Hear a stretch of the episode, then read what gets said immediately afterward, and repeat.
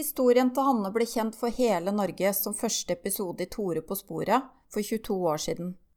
Hanne møtte sine biologiske foreldre og søsken i denne episoden, og denne utrolige historien har Hanne delt med mange medier og mennesker siden da.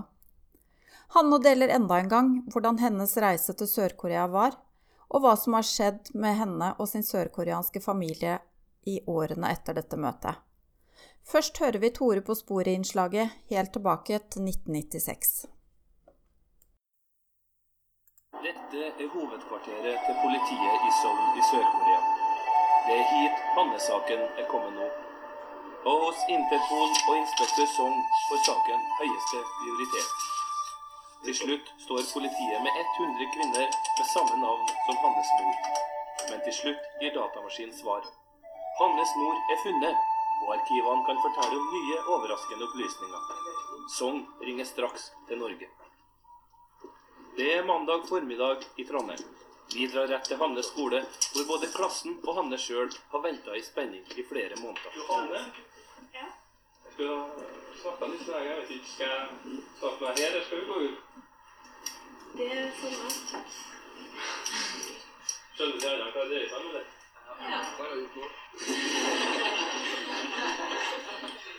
Men i dag så fikk vi en telefon fra Interpol i Seoul, som sier at de har funnet både mora og faren din. De, har, de fikk av Hanne når de var veldig unge, gikk på skole og var litt tidligere til dem. Så hun ble adoptert bort. Men etterpå der igjen så har de holdt sammen, og de har gifta seg. De har fått to barn til. Og vi har snakka med dem, og hvis vi får visum, hvis vi får tak i billetter og sånn, så håper jeg at vi kan reise bortover og møte dem. Hva syns du sjøl? Jeg ble veldig bra. Skal vi ta fly? Mhm. Kan vi reise på torsdag?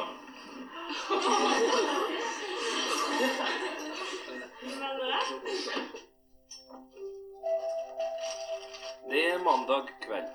Hjemme på Ranheim i Trondheim er Hanne i full gang med å pakke kofferten for reisen tilbake til morgenstillhetens land. Klærne hun hadde på seg da hun kom til Norge for 15 år siden, har hun tatt vare på. Om bare tre dager skal hun få vite sannheten om Pike Won-jo. Jeg tror det kommer til å komme mange følelser. Mye på én gang. Mm. Bare for å se igjen dem som satte meg til jorda og som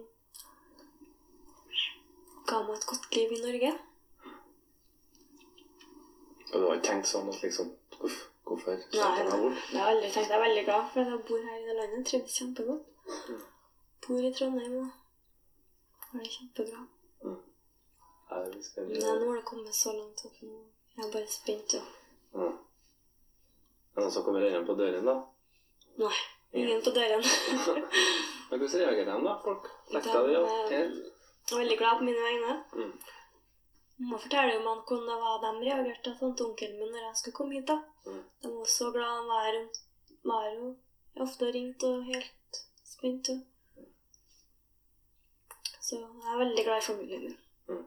Det kan ikke beskrives med ord. Hvor glad jeg i dem i Norge. Lillesøster Helle er en del av den familien Hanne har fått i Norge. Sammen med sin nye mamma og pappa er de fire blitt en sammensveisa familie som snakker om og er sammen om det meste. I kveld er alle fire opptatt av Hannes store reise. Opplysningene fra Seoul om at Hannes biologiske mor og far er gift, og at Hanne har en søster på ti og en bror på ni, kom som en kjempeoverraskelse. Det er nesten for utrolig til å være sant. Men ingen frykter Hannes Koreatur.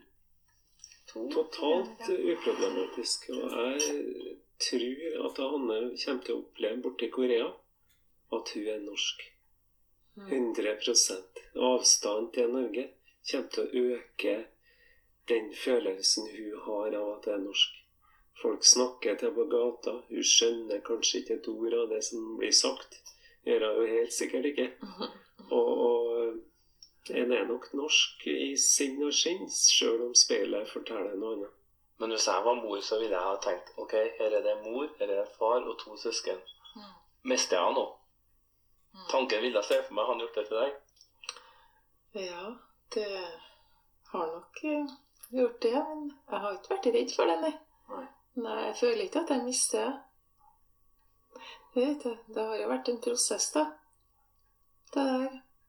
Var ikke særlig artig å tenke på det der når hun var liten, nei. At det var han. Men det er jo bare ting som har vært nødt til å jobbe med, da. Inni meg. Og det er jeg glad for at jeg begynte tidlig å venne meg til den tanken. Jeg tror adoptivforeldre som ikke snakker mye om hjemlandet de kom fra, de tror jeg gjør noe veldig galt. Fordi det går mye på kultur og alt mulig sånt, og, og jeg tror de ungene blir berøva noe veldig vesentlig. Men vi har snakka mye om eh, den andre mora, da. Den egentlige mora. Du skulle ikke ønske at det aldri har begynt å lette. Å nei, Nei, slettes ikke. Jeg syns jo det er en kjempemulighet både til å få se, treffe familien, og samtidig få et lite gløtt inn i det landet hun kommer fra. Og en må jo se det sånn at foreldre som bortadopterer et barn, de betrur på en måte den ungen til omgivelsene. At samfunnet skal klare å ta vare på. Og det er jo veldig mange etterlatte barn rundt om i verden som trenger voksne til å hjelpe dem. Og ungene låner vi bare.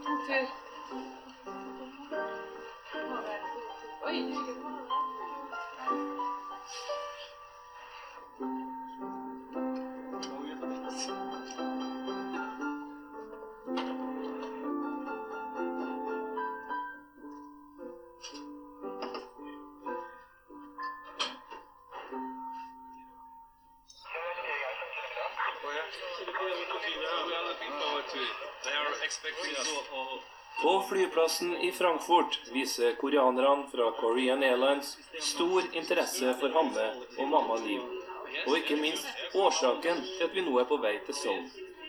Spørsmålene er mange, og det er tydelig at dette er en sak som engasjerer.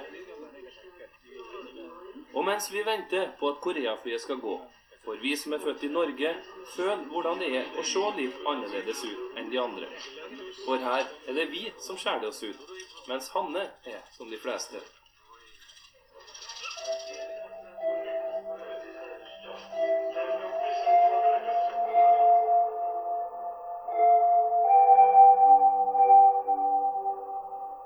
Det tar bortimot elleve timer med flyet fra Tyskland til Seoul. Sist Hanne gjorde denne reisa, var bare ett år gammel. Da kom hun alene. Nå er mamma med på turen tilbake til datterens barndomsland, hvor hun skal finne ut hvor hun kommer fra, og hvem Hanne egentlig er.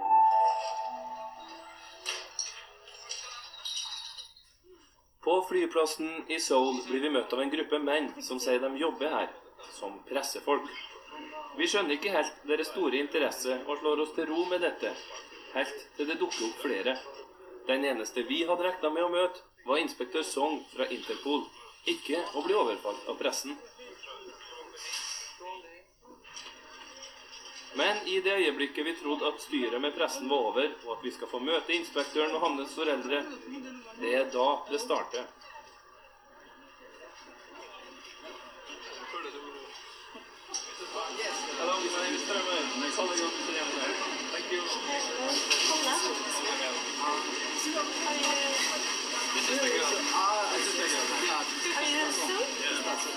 Nice to meet you. Det er et sjokk for oss alle. Vi blir overfalt av TV-kamera, og lysene blender oss. Vi skjønner ingenting, men etter hvert finner vi ut at det er politiet som har informert pressen om den norske jenta som kommer tilbake for å finne sin koreanske familie. En veldig spesiell og rørende sak, sier pressefolkene. Vi derimot er vettskremt. Vi venter og venter, men ingen foreldre dukker opp. Rundt oss snakkes det ivrig på koreansk uten at vi forstår noe. Men etter ca. 40 minutter kommer inspektør Song med en beskjed. Hans foreldre har vært på flyplassen, men blitt skremt av pressen. Vi får beskjed om at de skal forsøke å møte oss på hotellet isteden.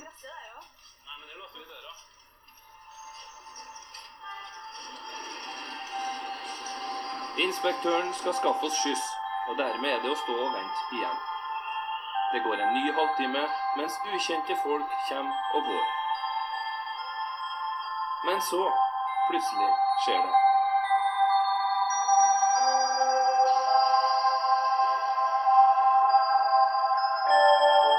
En liten kvinne med to blomsterbuketter.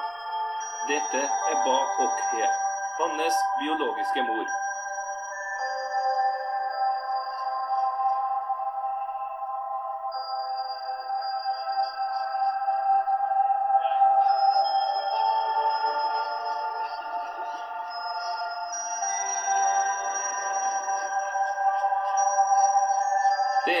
Tida står stille. Mor og datter, sammen igjen etter 16 år. Tidligere har de hatt én time sammen. Det var like etter fødselen på adopsjonshjemmet. Én time, det var alt foreldrene fikk sammen med barnet. Deretter måtte de signere en kontrakt på at de ga henne fra seg, og at de aldri måtte prøve å finne henne eller oppsøke henne igjen. Men Hanne slapp å love noe sånt. Derfor kan de møtes i dag.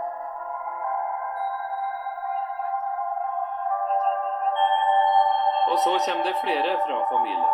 Først farens søster, hans tante.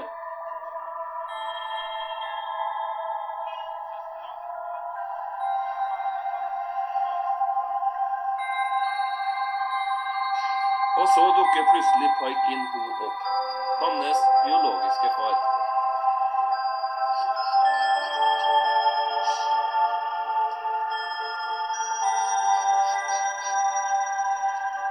Hvem Hanne ligner mest på.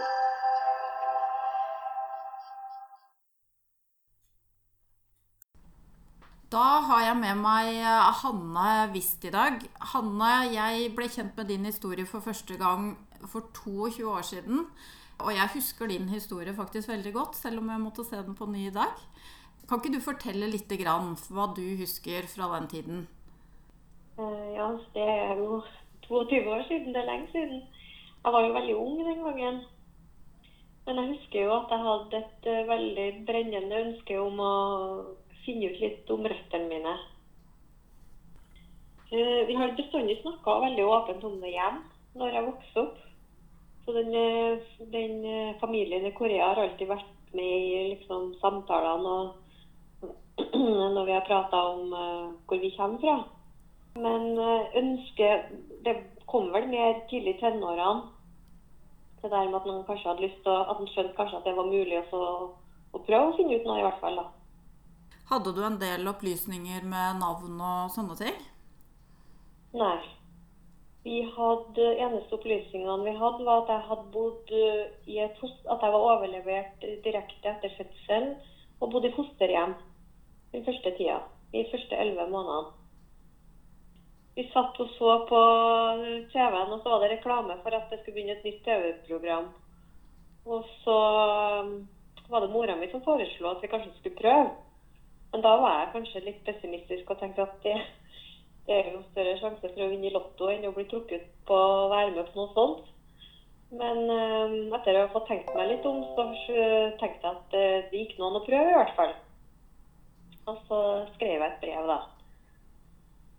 Så eh, tok det jo veldig lang tid før eh, eh, Nei, vi fikk jo ganske kjapt respons på at de hadde mottatt brevet, og at de skulle se på saken, men at eh, ikke noe løfter om at min sak var plukka ut, da.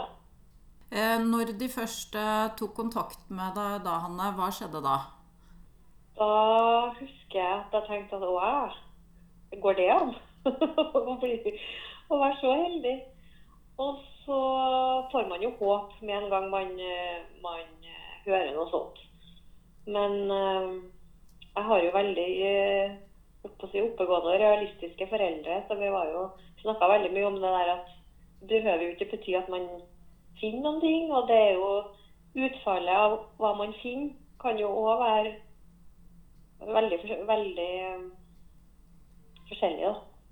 Nå er jo det som sagt 22 år siden, eh, og det hadde jo ikke på en måte vært noen sånne historier eh, i media, noe særlig sånn fra utenlandsadopterte, så du var vel en av de første sånn sett? Jeg vet ikke om jeg reflekterte så mye over den gangen. Jeg tenkte jeg var vel mer fokusert på liksom eh, håper jeg, egoismen i det med også å, å finne noen eh, av min slekt, da. Enn å jeg, var, jeg, var, jeg kan ikke huske at jeg liksom fokuserte på noe at det her er mediesak. Eh, nei, det tror ikke jeg vi prata så mye om, egentlig. Den gangen det, før, før det ble noe resultat, i hvert fall. Når dere, når Tore på sporet da kom tilbake eh, til deg, da kom de jo faktisk tilbake til deg i klasserommet for å fortelle at de hadde funnet ut noe. Mm. Var det avtalt på forhånd? Nei, det var ikke avtalt at de kom inn, men jeg fikk valget om å få lov å være med ut, da. Men eh, jeg hadde Det var jo første året mitt på videregående der, og det var på høsten. Og den høsten så hadde vi en sånn presentasjon av oss sjøl eh, når vi begynte på skolen. Og da husker jeg at jeg fortalte der at jeg var adoptert, og at jeg hadde begynt å lete etter mine biologiske foreldre. Gjennom at jeg skrev et brev til Tore på sporet. Så hele klassen visste om det. Så jeg tror at jeg tenkte at det her er jo dem en slags del av. For det kom jo spørsmål underveis. det, Hvordan går det? Har du funnet noe mer? Eh, Så når de kom inn, så tenkte jeg jo at det var egentlig ganske greit at, at eh, de fikk høre dem òg. Og da gikk det ikke så veldig lang tid før du og moren din satte dere på flyet ned til Sør-Korea. Nei, det var en mandag i klasserommet, og så reiste vi på en torsdag. Å, jeg var veldig spent. Veldig spent. Og um, gleda meg veldig, men så grudde jeg jo meg litt òg, da. For det er jo Man vet jo ikke hvordan det er å møte noen man aldri har møtt før. Men jeg var, visste jo, hadde jo fått vite at de hadde veldig, hadde veldig sterkt ønske om å få møte meg. Det var jo godt å vite. Hadde du fått sett noe bilde eller noe sånt på forhånd? Eh, Ja, nå må jeg tenke tilbake her. Det tror ikke jeg. Eh, nei, det kan ikke jeg huske at jeg gjorde, nei. Nei, det tror jeg ikke. Og så ble det jo veldig oppstyr når dere landet og kom ut på flyplassen der, for da hadde jo media fått nyss i dette her. Mm. Og det var litt sånn Det var overraskende.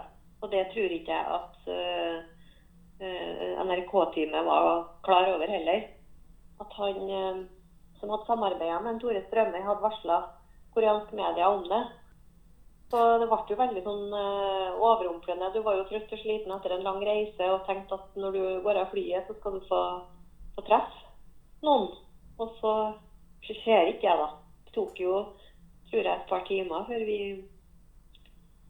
før eh, vi fikk møte dem, da. Hadde ikke lyst til å komme når det var så mye mediefolk. Nei, fordi de forlot eh, flyplassen, det gjorde de ikke det? Ja, eller de, de Om de var på parkeringsplassen og venta, eller de, de møtte jo dem til slutt utenfor på flyplassen. Eh, Så de hadde jo eh, mulig at de hadde vært i nærheten. Hvordan var første møte for deg? Å, det var Det er jo litt sånn utenpå deg sjøl-opplevelse. Så det er jo litt sånn at eh, du tenker kanskje ikke så mye før etterpå. Men det var jo helt eh, Det var jo så Ja, det var jo så bra som det kan bli. Og først få treffe faren min, da. Og så var det tanta mi, tror jeg. Og så mora mi til slutt, da. Det var jo eh, Og det var sånn endelig. Ja, det var, jeg så jo på filmen, det var jo like sterkt for norskemammaen din, tror jeg. Ja, det er jeg helt sikker på. Hun har jo eh, Det er jo noe med å adoptere et barn, og så vet at du har ikke noe biologisk tilknytning. Men så er det noe sånn som hun fortalte på det TV-programmet, at man må jo ta en litt sånn reality check med at OK, hun har faktisk ligget i magen til ei anna dame. så hun valgte da på å, være, å snakke om det og være åpen om det. Og ikke se på det som en sorg, men som en ressurs. Eh, og det har jo vært også med i foreldrene mine sin drømmer at jeg skal få lov å oppleve det her, siden at jeg ønska det så sterkt sjøl. Så for hun å få lov å stå der og se det her gå i oppfyllelse, det tror jeg var veldig sterkt for henne. Du var jo bare 16 år den gangen. Eh, Hvordan møtte du som 16-åring alle disse følelsene? Ja, si det. Det var litt sånn I Korea, når vi var der, så var det litt sånn at uh, man opplevde og man var med på og man lytta, men samtidig så var det Jeg tok ikke inn alt. For det er mye jeg har tenkt på i ettertid. at Hvorfor spurte ikke jeg om det, og hvorfor uh, gjorde ikke jeg det? Men uh, det var jo, det var jo veldig, veldig kort tid vi var der, og så var det jo veldig mye som skjedde på den tida. Så det var jo en veldig veldig flott opplevelse, men refleksjonene kom jo først etterpå. Nå har jo TV-seerne aldri fått sett hva som skjedde etter det første møtet. Hvordan brukte du de dagene der nede? Eh, nei, vi var rundt omkring. Møtte bestemora mi. Eh, var litt på sightseeing. Fikk høre litt om historien om meg da, og familien min. Eh, så det var jo det var det vi rakk på de to korte to-tre dagene vi var der. Men du hadde jo to søsken òg, var det sånn? mm. En eh, lillesøster og en lillebror. Og det som var så utrolig med historien din nå, Hanne, var jo at eh, dine biologiske foreldre hadde jo holdt sammen etter at de hadde adoptert bort deg. Sånn at de, det er jo to biologiske søsken du har der nede. Mm. Det er veldig rart å tenke på i ettertid, da. At du har liksom to søsken som er hel. eh, helsøsken. Eh, Men der da Ja, det var jo rart. Alt var jo en sånn eh, Det var jo en veldig voldsom opplevelse å være der og oppleve alt det her. Og, og om jeg tok inn der og da at det, dem var Det her er liksom helsøsknene mine, det er jeg litt usikker på. For de var jo ganske små. Da han, Broren min i hvert fall tror ikke jeg skjønte så mye av det. Hadde de hørt om deg? Nei, ikke før eh, dagen før vi kom. Det var ingen som hadde hørt om meg før dagen før vi kom. Så din bestemor og din tante hadde heller ikke visst om, visst om deg? Nei, ingen. De hadde holdt det i skjul. Så da i graviditeten, og så i 16 år til. Ettertid, Hanne, har du, jeg har skjønt at du har hatt eh, kontakt med dem. Hvordan holder dere kontakt? Vi, før det ble eh, internett og sosiale medier, så skrev vi brev og ringte i telefon. Og så var jeg på besøk eh, eh, Foreldrene mine ble jo etter hvert skilt noen år etterpå. Og faren min flytta til USA, så da var jeg på besøk til han i 2002. Og så etter hvert som internett og e-post og sosiale medier kom, så har vi holdt kontakt gjennom det. da. Og så har jo søsknene mine også etter hvert blitt voksen. Og ja, har også hatt kontakt med dem. da. Har de vært og besøkt deg i Norge? Eh, nei. Faren min har eh, besøkt meg i eh, Norge. Han var her eh, da vi gifta oss i 2009. Da fikk jeg ønsket mitt oppfylt med å gå med én far i hver hånd opp kirkegulvet. En biologisk pappa og en adoptivpappa. Det er jo fantastisk at du har hatt eh, den historien du har hatt, og at så mange år etterpå så står du der den dagen. Ja, det har vært utrolig heldig. Og det er jo det man skjønner når man blir ordentlig voksen. Det er hvor heldig man har vært, og hva alle mulige utfall denne historien kunne fått. Og så sitter man der og så har opplevd det her, og ja, nei, jeg kan ikke si noe annet enn at jeg har vært veldig, veldig heldig. Eh, du har jo en søster eh, her i Norge også. Er hun også fra Sør-Korea? Ja, hun er også adoptert derfra. Har dere vært sammen i Sør-Korea etterpå? Eh, nei, eh, vi, jeg har vært én gang i Sør-Korea etterpå, i 2007, i forbindelse med jobben til mannen min. Og da var faren min med. Eh, pappa han hadde jo ikke vært med før. Og da hadde jo søstera mi små barn, baby, så hun kunne ikke eh, delta da. Men vi har kanskje tenkt å dra en tur alle sammen eh, til våren neste vår, om et år. Da håper vi at alle eh, sammen kan dra på en tur. Hvordan tenker du det om det som voksen, Anne, den opplevelsen du har hatt? Eh, nei, det har, vært, det har jo vært en eh, Det er jo som en drøm. Når man er voksen og forstår alle andre mulige utfall det her kunne hatt, med at man eh, kanskje ikke har funnet noen, ikke at ikke, letinga ikke har hatt noe resultat, at man kunne vært, det kunne vært noen der som ikke har vært interessert i å møte. Jeg husker at vi snakka om det, at i aller aller verste fall så kunne man ha vært resultat av en voldtekt. Så det er jo veldig mye som, som man forstår i ettertid, et perspektiv da, som, forstår, som, gjør at man forstår hvor heldig man faktisk har vært. Som møter et foreldrepar som fortsatt er gift, og som har uh, fått to barn i etterkant. Det er jo Ja. Det kunne jo ikke vært noe bedre enn det. Jeg har skjønt at du eh, og søsteren din har vokst opp med foreldre som var opptatt at dere visste litt om Sør-Korea. Eh, hva tenker du om Sør-Korea per i dag? Er det et land du har spesiell tilknytning til følelsesmessig? Ja, absolutt. Det har jo vært, et, uh, vært med oss helt siden så lenge vi kan huske å snakke om Sør-Korea. Vi hadde jo flagg hjemme til oss, uh, koreanske flagg.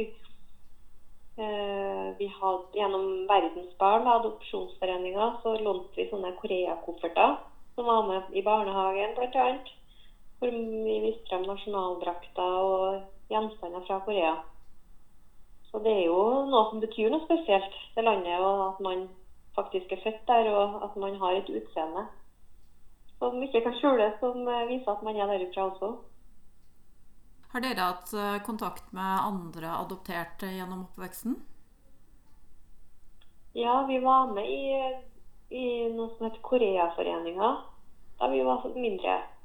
Og Da var det gjennom Verdensbarn da, som hadde arrangement. Eh, turer og utflukter og sammenkomster med andre, koreanske, eller andre familier som også hadde adoptert barn fra Korea.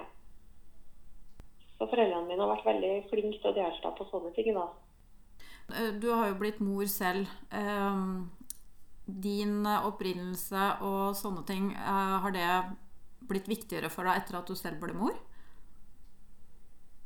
Eh, det har det. Man får et annet perspektiv på, på det etter at man har blitt foreldre sjøl. Det å forstå, eller prøve å sette seg inn i hvordan det er faktisk å å gi fra seg et barn. Uh, og ja, det å kunne fortelle åpent til dem om at jeg er adoptert, og at jeg kommer fra Korea, og at de faktisk er halvt koreansk. Det har vært veldig viktig for meg å snakke om. Så de uh, snakker noe helt naturlig om det. dem og mamma er fra Korea, og vi er halvt koreanske, og vi har en mormor som bor i Korea. Og jeg tror de syns det er litt artig. Jeg tenker på familien din der borte. Snakket de engelsk? Nei. Det gjorde de ikke. Det er veldig, veldig lite. Korea er jo et land som ikke har hatt noe mye Hvor ikke noe veldig mange snakker engelsk. Eh, så det har vært, eh, kommunikasjonen har vært gjennom andre da, som har kunnet enten koreansk eller engelsk. Du har ikke lært deg litt koreansk eh, over disse årene? Bitte litt sånn få ord, men jeg har ikke, ikke vært på koreanskkurs. Men eh, nå er det jo så mye oversetting på program som finnes. Så nå klarer vi det mye bedre enn vi gjorde før, da, på egen hånd. Hva slags søskenforhold har du til de to koreanske søsknene dine? Nei, det blir jo ikke noe søskenforhold i den forstand at man bor på to forskjellige verdensdeler og ikke har uh, møtt hverandre noe mye. Men uh, særlig hun søstera mi, vi har uh, en sånn app da, som vi snakker gjennom, sammen gjennom. Og det er nå i hvert fall én gang i måneden at vi hører med hverandre hvordan det går. og nå har jo hun også blitt mor i, i fjor, og jeg tror hun òg har fått og Jeg syns det er veldig stas og at vi har god kontakt. da. Nå er det jo mange som finner igjen familien sin, og familien uh, kommer kanskje fra trange kår og ikke hadde mulighet til å beholde barn og sånn, men jeg forsto det som om dine foreldre i Korea De var jo unge, men de har jo på en måte de, de, bor jo bra og lever bra per i dag. Eh, har det vært noe sånt tema du har tenkt på etterpå, at det er sårt? Uh, jeg har tenkt på det at uh, de kunne jo Hvis de hadde fortalt det til familien sin den gangen, så hadde jo helt sikkert de for det var det snakk om, overtalt dem til å beholde barnet. Uh, men det har aldri vært Jeg har aldri sett på det som, en, som noe sårt. Fordi at jeg har jo hatt et veldig Det skjedde noe, det som skjedde, og jeg har jo hatt et veldig bra liv i Norge. Eh, og vet jo ikke noe om annet enn hvordan det er å vokse opp her. Og for, foreldrene mine i Norge og har jo også snakka mye med meg om det at øh, de var nødt til å gjøre det den gangen, og det skjedde. Men det er ikke noe å være, verken være bitter eller øh, sår for. Fordi at det har jo vært enda vanskeligere for dem å måtte gi fra seg barnet sitt. Har moren din eh, fortalt deg litt om eh, den tiden eh, hvor det ble bestemt? Nei. Eh, hun Ordene hennes er mer at det var, vært, at det var vanskelig. Og at eh, mer i etterkant at de har eh, tenkt på det hver dag det de gjorde, om det var riktig valg. Men ikke det at de eh, bestemte. Det var vel eh, Jeg tror at det var Den gangen så var det med en gang de sikkert fikk vite at de var gravid, at det var når de ikke var gift. Og mora mi, biologiske mora mi er opprinnelig fra Nord-Korea. Så hun var ikke akseptert i faren min sin familie. Så det var liksom veldig aktuelt. Og i tillegg til at man hadde veldig dårlig økonomi og, få et barn. da. I ettertid av Torus på sporet, har du fått masse henvendelser fra andre som har vært f.eks. adoptert fra Sør-Korea? Masse. Eh, I de første ukene og månedene etter TV-programmet så var postkassa nesten full hver dag. Mange som skrev brev, da, som man gjorde den gangen, og, og lurte på hvordan det gikk, og, og som var nysgjerrig sjøl. Kunne kanskje tenkt seg, uten at det har vært snakka om hjem i de, de hjemmene, om hvordan at man kunne tenkt seg å prøve å finne uh, sine egne biologiske foreldre. Men også av andre adopterte som bare lurte på hvordan det gikk. Uten at de egentlig hadde lyst til å prøve å finne noen sjøl. Og bare ville formidle at de hadde sett det, og at de syntes det var et veldig fint program. Hvordan har eh, du tatt den pågangen som var den gangen? Mm, det var jo veldig vanskelig, fordi at når man er 16 år, så er man jo ikke rusta til en sånn Vi var vel egentlig ikke forberedt noen på at det skulle være, hvordan det skulle bli etterpå. jeg husker jo selv at jeg var veldig, veldig fokusert på min egen historie, og at jeg hadde fått lov å reise, og at, eh, at, eh, at jeg var heldig som fikk oppleve det. Men eh, og man visste jo heller ikke hvordan enorm respons Tore på sporet skulle få. At det skulle, få en sånn, at det skulle bli så populært. Um, men jeg husker nå at jeg satt og svarte på veldig mange brev. Og, og tenkte at det skylder jeg nå i hvert fall andre. Å kunne fortelle og kunne svare på hvordan det har gått. Og, og svare på spørsmål som de lurte på. Har du vært noe aktiv selv, Hanne, sånn i ettertid med adoptivsaker? Nei, det har ikke jeg gjort. Jeg har fått en del spørsmål fra folk, men ikke noe har ikke vært aktiv i Verdensbarn eller, eh, eller sånn helt direkte mot adopsjonene. Vi snakket jo litt sammen før uh, vi begynte podkasten. Uh, og da sa du til meg, eller var kanskje i en mail, da, at uh, du følte at historien din var litt brukt opp. Var det mange år etterpå det var stor pågang på din historie? Ja, det 22 år etterpå så har det jo Det har jo sakte, men sikkert dalt, men det har jo vært stor på sånn jevnt trykk gjennom alle de 22 årene.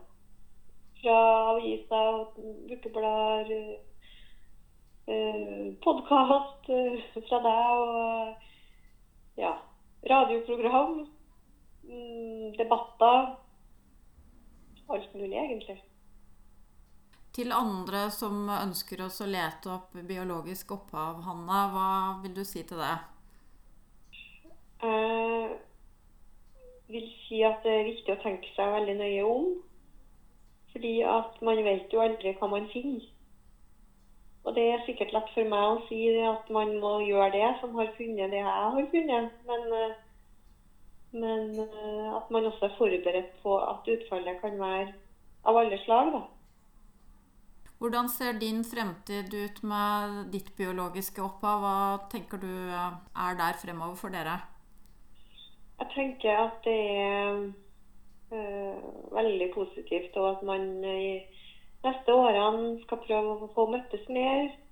Jeg håper at de en gang har mulighet til å komme på besøk eh, til Norge igjen.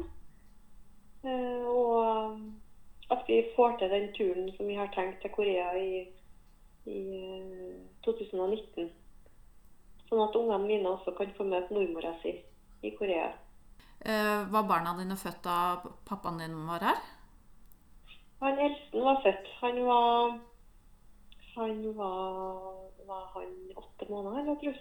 Sju måneder var han da han uh, var her. Og så var vi på ferie i uh, California, der han bor, i 2015. Så da traff jo han begge barnebarna sine. Eh, men de har ikke møtt eh, mormor, da, som vi sier. I og med at biologisk far har vært i Norge og sett hvordan eh, du har vokst opp, hva, hva sier han om det? Ja, begge har jo vært her. Både søsknene mine og, og mora mi har jo vært her. Det var jo en gave fra Tore på sporet at de fikk komme til Norge. Eh, og det tror jeg har vært viktig for dem. Det husker jeg de sa. at Det var det å se at vi har det bra og at vi lever godt. og For se hvor huset har vokst opp. Det var, det var liksom en viktig brikke for dem, tror jeg. Hun hadde jo sikkert tenkt veldig mye på hvordan du hadde det et annet sted. Eh, hun ble sikkert glad når hun så hvordan du hadde vokst opp?